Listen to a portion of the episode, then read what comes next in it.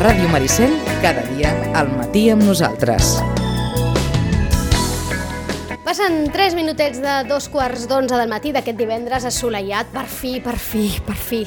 Ha tornat el sol, que l'estàvem esperant amb candeletes, la primavera que ja doncs, d'alguna manera la sentim a dins nostre i el que fa molt de temps que no parlem, on parlem molt poc, molt menys que en els últims dos anys, és de la Covid, per, per bones notícies, no per res s'entén que eh, d'alguna manera doncs, el que eh, ens anuncia és que la, la qüestió va molt a la baixa i que per tant doncs, tot s'ha normalitzat o s'està normalitzant.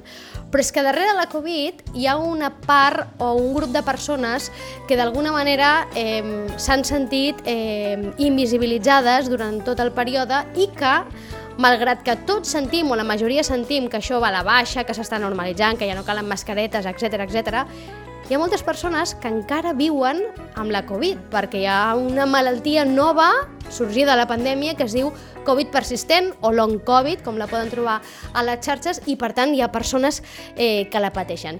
Què vol dir això? Doncs avui en parlem amb una sitgetana que pateix de Covid persistent i que a més a més, ha vingut acompanyada.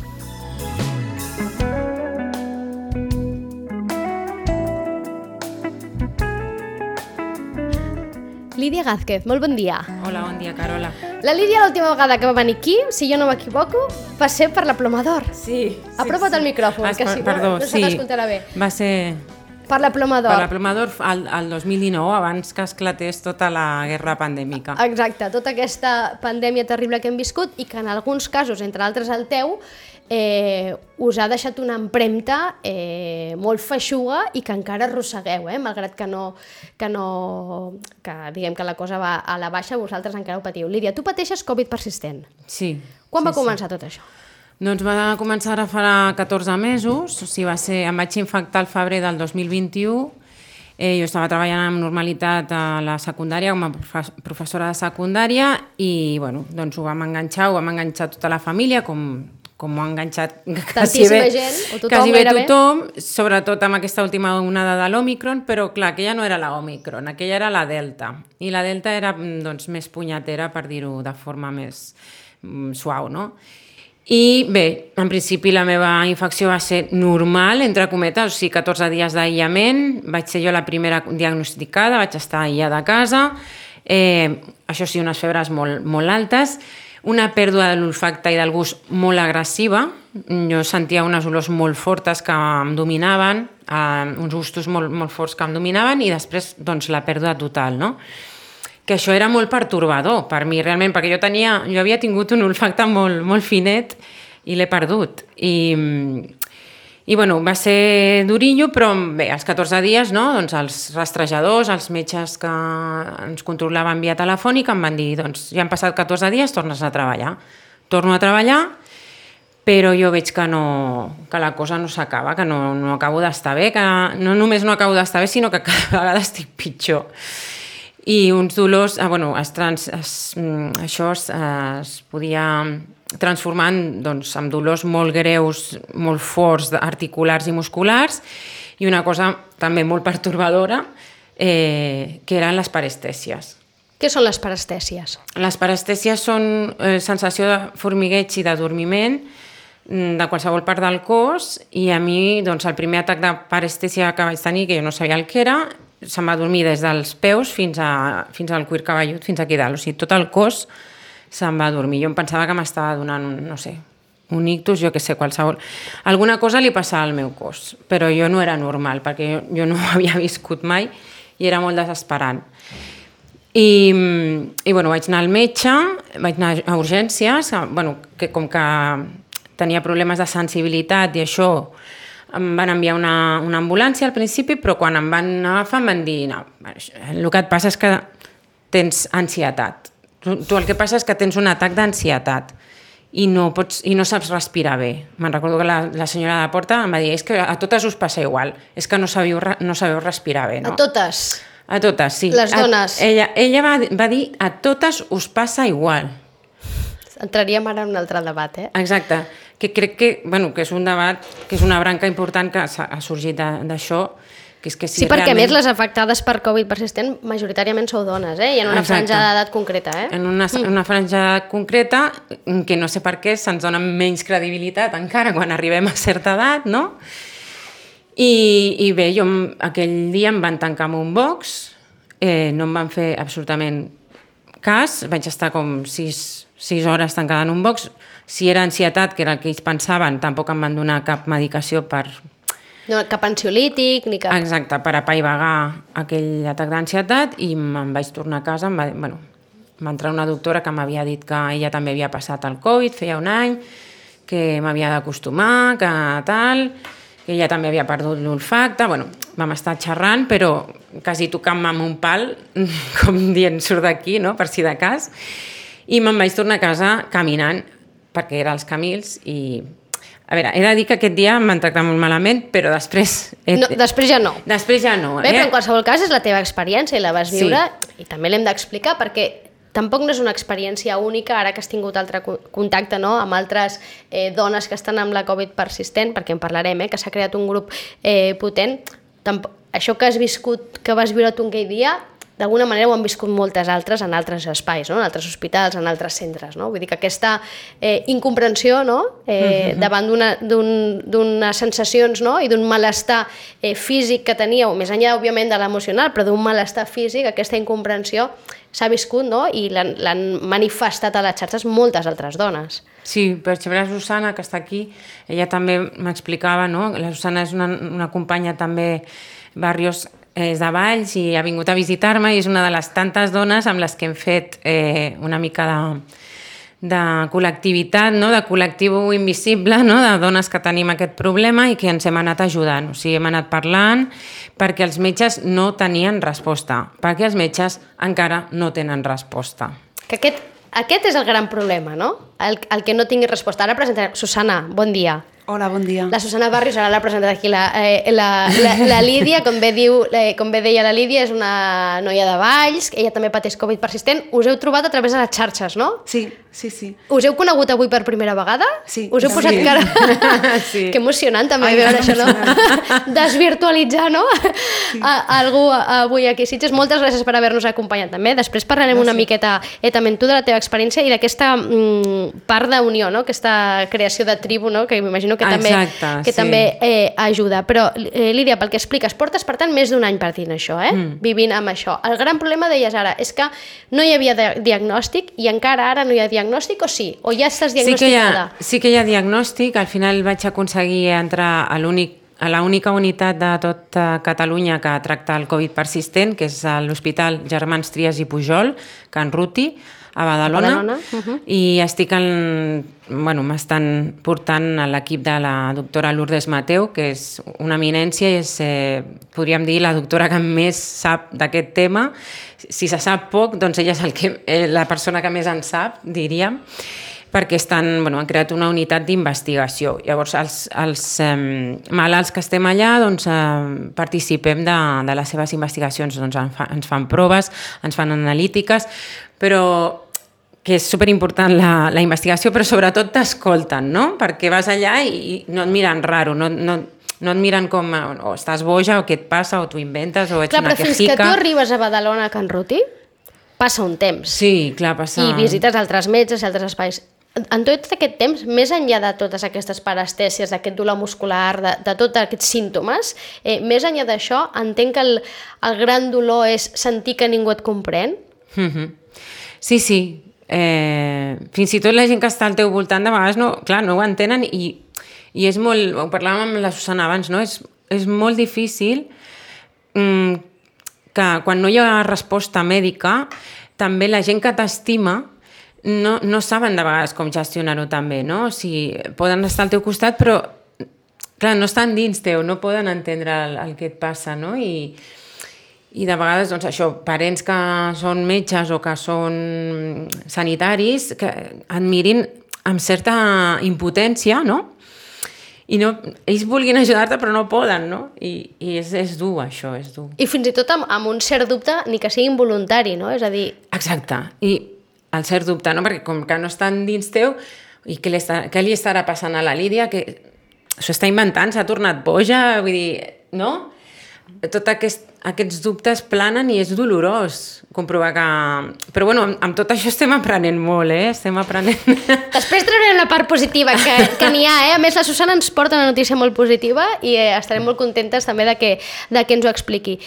Lídia, entres a Can Ruti, d'alguna manera sents ja que, que, que et comprenen, que t'atenen, que vas allà i no has d'estar donant explicacions mil vegades, que ja accepta, no s'accepta que hi ha una malaltia que es diu Covid persistent. Sí, i a més a més la Lourdes Mateu va aconseguir que, perdona, eh, que No, i ara? hi ha, hi ha un codi dins de sanitat que eh, correspon al, al diagnòstic de Covid persistent, que això no existia i des de Can Ruti van aconseguir que mm, estiguem dintre del sistema informàtic com a XXX, no? Doncs eh, Covid persistent. Lídia, i quins símptomes tens ara? Perquè, clar, algú dirà, clar, jo ara la Lídia aquí la veig estupenda, eh? sí. Que potser també aquest és un dels problemes, no?, d'aquesta malaltia, que, no, que potser des de fora no es veu, no? Sí, exacte. Bueno, quan estava pitjor, ara fa un any que era quan vaig estar molt, molt fotuda, que pràcticament no em podia moure de casa i no podia fer la volta a, a la illa de cases, que ja m'ofegava i havia de tornar a casa. Ara que ja he començat a treballar, al gener vaig començar a treballar amb tot el sacrifici que per mi suposava perquè jo arribava a treballar i dinava i m'havia de ficar al llit perquè no suportava el dolor d'haver estat la jornada treballant, no? Eh, ara estic molt millor, he anat agafant el ritme de la feina, o sigui, tot això són petites passes que anem aconseguint, no? Que també t'ajuden. Eh, O sigui, prenc medicació, eh? O sigui, la, ja, la doctora em dona una medicació per, per tractar sobretot la sintomatologia, tot, tractar els dolors musculars, les parestèsies, doncs hi ha, hi ha uns medicaments que t'ajuden a, a portar-ho millor, però clar, van al, van al símptoma, no, no, encara a la causa, no? No a No la causa, que és el que estan investigant ara, no? Que serà genial que si aquests estudis funcionen ens facin a tots a, a passar per aquest, per aquest eh, nou tractament que estan investigant i marxi del tot. Però bueno, llavors ara tinc encara molts dolors i li deia a la Susana abans, són, són pujades i baixades, no? Tens brots, Com brots. el, el que es diu un brot, passes uns dies mm, fotuda, perdó per la paraula, pas- passes uns dies malament, no? I després, bueno, baixa una mica, t'afluixa, llavors tens potser tres o quatre dies bons que, que respires, que dius, ostres, que bé que em trobo avui, he anat a comprar, he, he carregat, avui he pogut portar pes, avui he pogut, perquè clar, eh, el cos et queda d'una manera que no tens, no pots eh, tolerar gaire l'esforç físic, saps? Eh, I bueno, tinc encara parestèsies, per exemple, ara ho comentava, aquesta nit se m'ha dormit completament la cama esquerra i el braç dret, i llavors t'aixeques i et falla la cama i dius, què passa, no? I, però com que saps que després marxa, dius, bueno, mentre no em quedi així, eh, és un, és un dolor i un, un, uns símptomes que són fluctuants i van canviant el focus dins del teu cos. No se sap si és de tipus nerviós, no se sap si és de tipus cardiovascular, mm, estan investigant. Eh, Uh -huh. I entre altres investigacions, justament eh, dilluns sortia a l'avantguàrdia aquest primer assaig clínic que neteja la sang contra la Covid persistent. És un assaig que doncs, també s'està desenvolupant a, a Can Ruti a través de la tècnica de la plasmafèresi, que és això, és eh, netejar eh, la sang, i, i, d'aquí, i entenc que d'aquí també la importància de que es facin assaigs clínics, no? assajos clínics, perquè són els que han de determinar d'alguna manera eh, l'origen d'aquesta malaltia i per tant hem trobar el tractament, perquè ara deies els tractaments són per, les, pels, per la sintomatologia, no? però clar, a la causa no s'està anant, encara no se sap què és el que causa això. Mhm. Sí, sí, no se sap i, i tant de bo que aquests... Eh, jo he de dir que no he tingut la sort d'entrar en la- en l'assaig, tot i que estic dins de Can Ruti. Eh, no he tingut la- l'oportunitat, però sí, tant de bo i, i estiguin... Eh, bueno, aprofitar que, per dir que, que tots aquests assajos i aquestes investigacions es fan a través també de donacions, mm, perquè doncs el govern no inverteix prou en investigació, s'ha de dir. No, eh, els nostres governs de vegades gasten diners en coses inútils i en coses que són realment importants com la investigació per malalties desconegudes o minoritàries o molt greus, necessiten més, eh, més suport i la veritat, doncs, des d'aquí no, dir que necessitem més suport. I també qui s'animi a nivell individual, doncs jo sóc donant de, cada mes no, doncs dono una quantitat a la, a la campanya de No t'ho inventes, que és la campanya que està recollint diners precisament per fer desenvolupar aquests estudis que s'estan fent a Can Ruti. Eh, eh, Estudis com aquests, jo no sé, Lídia, si al final el pitjor, ara parlarem amb la, amb la Susana, i no sé si el pitjor de tot és, mm, és a dir, no sé si et sents malalta. Tu et sents malalta? Ah, quina pregunta, no? Sí, um, sí que em sento malalta, encara. Sí, mm, preferiria no, no sentir-me'n i, i la paraula dol, no?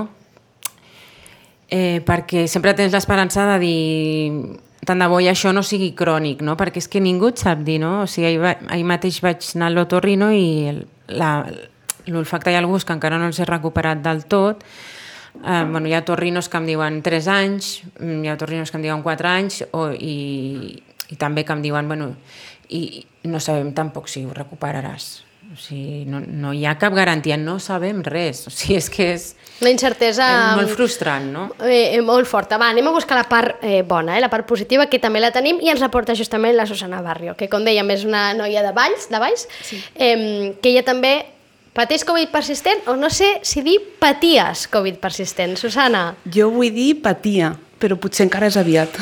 Fa unes tres setmanes que potser fa com un mes que he anat recuperant, però molt lentament, perquè el que deia ella sempre han sigut pujades i baixades.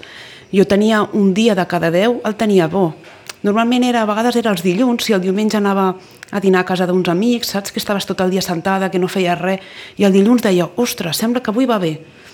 Jo he arribat al punt, hosti, el meu dia a dia era fer una cosa, o fer els 30 minuts de marxa nòrdica, o anar a comprar, o, per exemple, jo que sé, arreglar, eh, jo que sé, eh, alguna cosa de casa, però era una cosa al dia. El meu cos no em permetia fer dues coses, i així porto 14 mesos.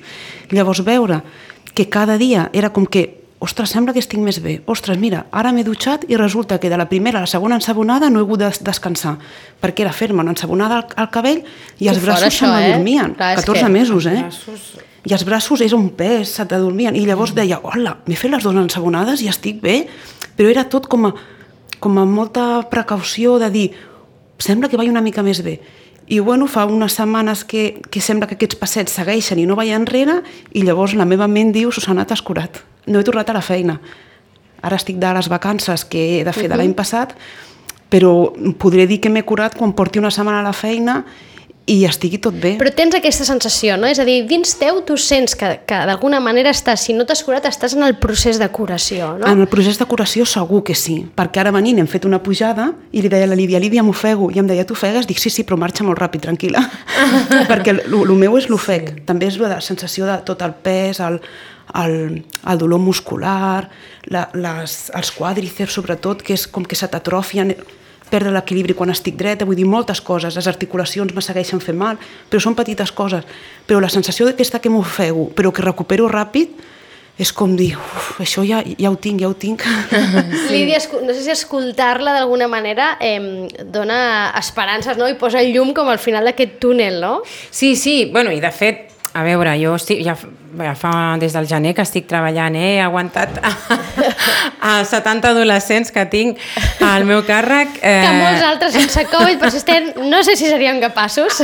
per tant, ja té mèrit, ja té mèrit. Exacte, o sigui, estic malalta en el sentit de que eh, encara no, no m'he tret de sobre aquesta sintomatologia que eh, és punyetera i vull que marxi, vull que marxi, vull que em deixi ser la Lídia d'abans, però sí que estic una mica en el camí de, com diu la Susana, de curació, perquè és que mm, cada cop doncs, fas més coses i tens més il·lusió i l'esperança no? et, et tira cap endavant, no? I entre nosaltres ens donem molt de suport, hem, hem creat això un, una germandat no? de, de, de sororitat, a més a més, perquè som tot dones, eh, molt maca i la veritat és que ens ajudem moltíssim. A Twitter, eh, sobretot. Sí. Sobretot a, a, a les xarxes, no? Sí. I, I a Twitter, que us heu anat trobant, fins i tot us poseu cara a, a, a en dia com avui.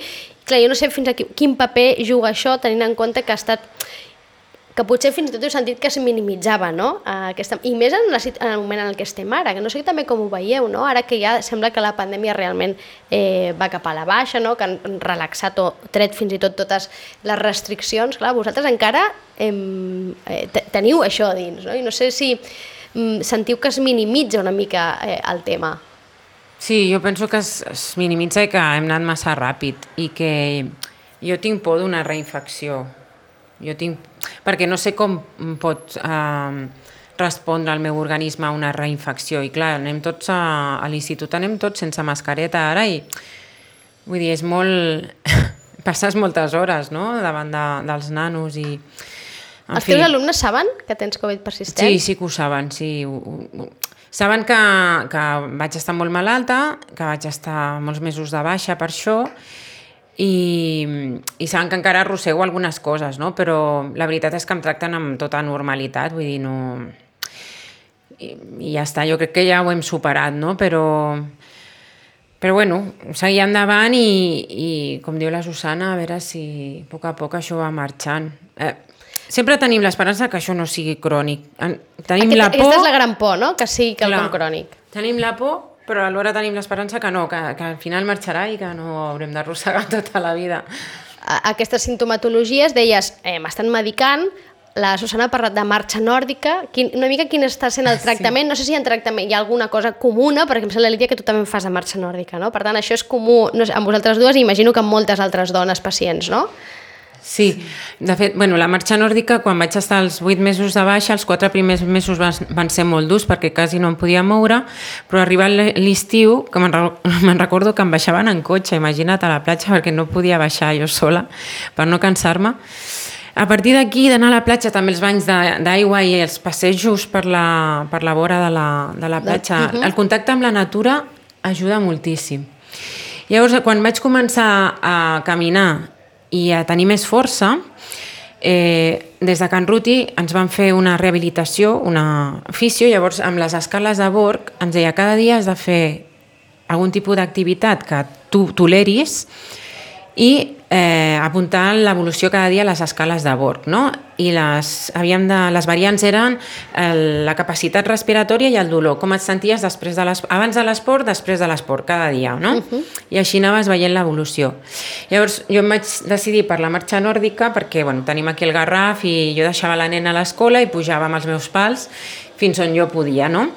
I, a més a més, ja havia hagut un estudi a l'Hospital del Mar que molts sanitaris s'havien estat recuperant del Covid persistent a través de la marxa nòrdica. I la veritat que és que molt bé, perquè com que mous tot els, eh, totes les extremitats i tal, em va anar molt bé. I em va ajudar, per cert, la Vinyet Casoliver, que ella havia estat una sitgetana, que és una institució molt estimada, un petó des d'aquí a la Vinyet Casoliver, que ella havia estat, eh, t'ho diré, fisio, fisio pulmonar uh -huh. a Bellvitge, em va dir, Lídia, tu tranquil·la, que jo t'ensenyaré bé la tècnica de, del, De respirar. de respirar i de la marxa nòrdica, uh -huh. com has de posar els pals i tot això. I llavors vam quedar un dia al passeig i m'ho va estar ensenyant. I quan vulguis quedes amb mi, jo sempre les veig a ella i a les seves amigues que van amunt. I, escolta, molt bé, llavors jo em vaig arrencar sola, veig que la Susana també ho ha fet, i em, ens va ajudar molt això, jo crec. No, sí. no estàs d'acord, Susana? Sí, eh, el que passa que el meu cas és bueno, ja tornaré si de cas, la marxa nòrdica era eh, jo pel meu compte, perquè l'osteòpata on va i el cos i equilibri vaig, la Montse em va dir, Susana, jo no podia caminar, perquè perdia l'equilibri, vull dir, o sigui, caminar, sí, caminar sí que podia, el que passa que em cansava molt, i dreta perdia l'equilibri.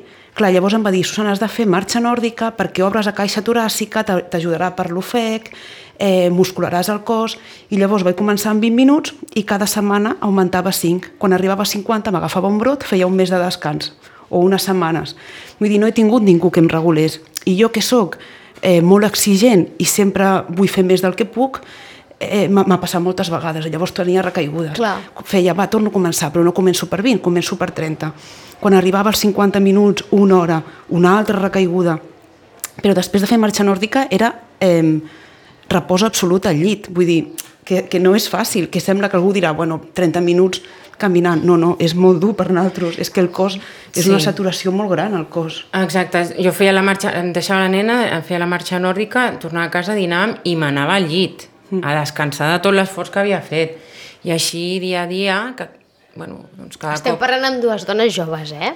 Sí. Perquè, clar, Clar, és que és fort. No, sí, sí, sí. Clar, és que eh, al- algú ara que ho escolti pot pensar, bueno, igual són dos senyores grans han fet un esforç aquí, no, no, són dos dones eh, joves amb, amb canalla petita, jo no sé si Susana tu tens eh, canalla, Sí, tinc una nena de 10 i un nen de 13. doncs també, doncs això, amb, amb canalla petita en el que eh, la duresa del dia a dia, no? De, de, de posar una rentadora, no? Exacte. De posar el rentapla, de rentar-te el cap, no? Que deies Sí. abans eh, Susana.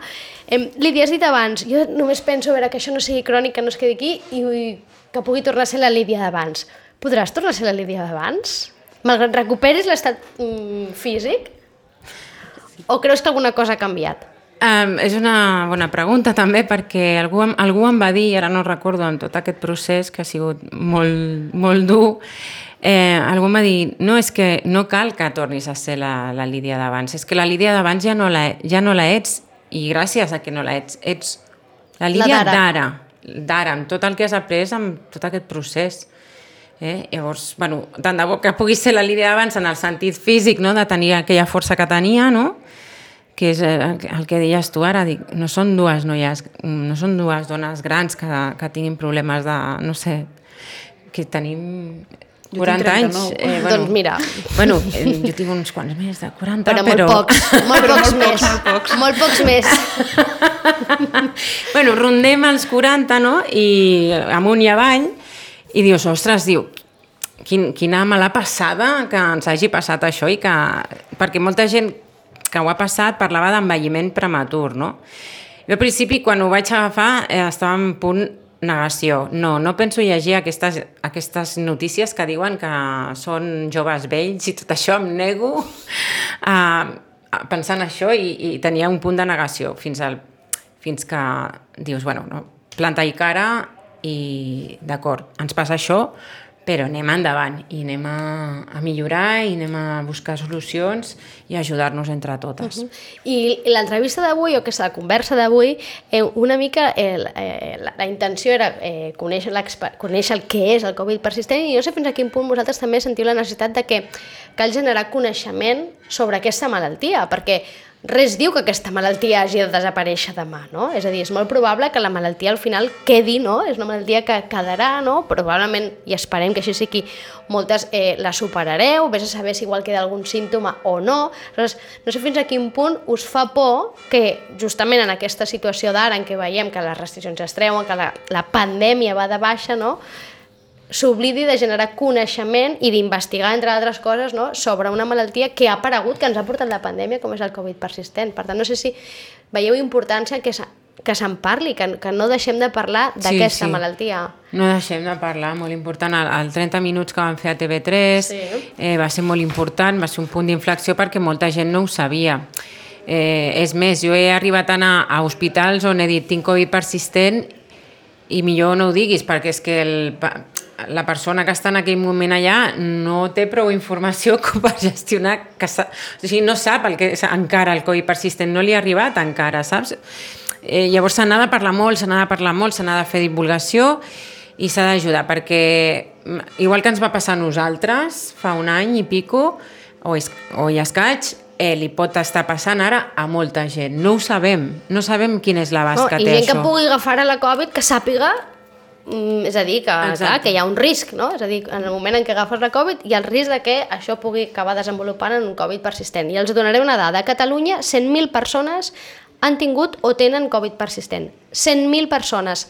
Probablement hi haurà més, perquè al final aquests són registres que tenen. Hi ha molta gent que probablement té símptomes i encara no ha anat al metge, no ha arribat, no té la sort no, de tenir aquí a prop eh, un hospital com Can Ruti i potser en l'atenció primària mmm, no sé si sempre la Covid persistent eh, s'entén, no? aquest és l'altre gran repte. Per tant, compte, eh, gràcies Susana, gràcies Lídia per venir, per explicar-nos què és això de la Covid persistent, per donar-nos també eh, aquesta, posar aquesta llum, no? aquesta llum d'esperança de que mm, en tots els dos casos doncs, la qüestió va millor, no? eh, Sí. millora, i que fins i tot la Susana doncs, sent que això ja va camí de desaparèixer, i jo crec que sentir-ho ja deu ser molt, no? Perquè sí, sí. també sentíeu no? que la cosa anava molt malament, per tant, si sents que això està desapareguent, mm, Jo- el cos t'està dient alguna cosa. Jo li vaig dir, si, si t'has curat, vine cap a Sitges que em dius la fórmula. I, i, aca- I acabem de fer net. Ara aneu a fer una marxa nòrdica i xerreu una estona i que t'expliqui a veure què és el que ha fet, què és el que ha fet aquests Això, mesos i ho poses a la pràctica. Susana, gràcies. Lídia, moltes gràcies, Gràcies, i molts Carla. ànims. Gràcies. Un petó. Gràcies. Adéu.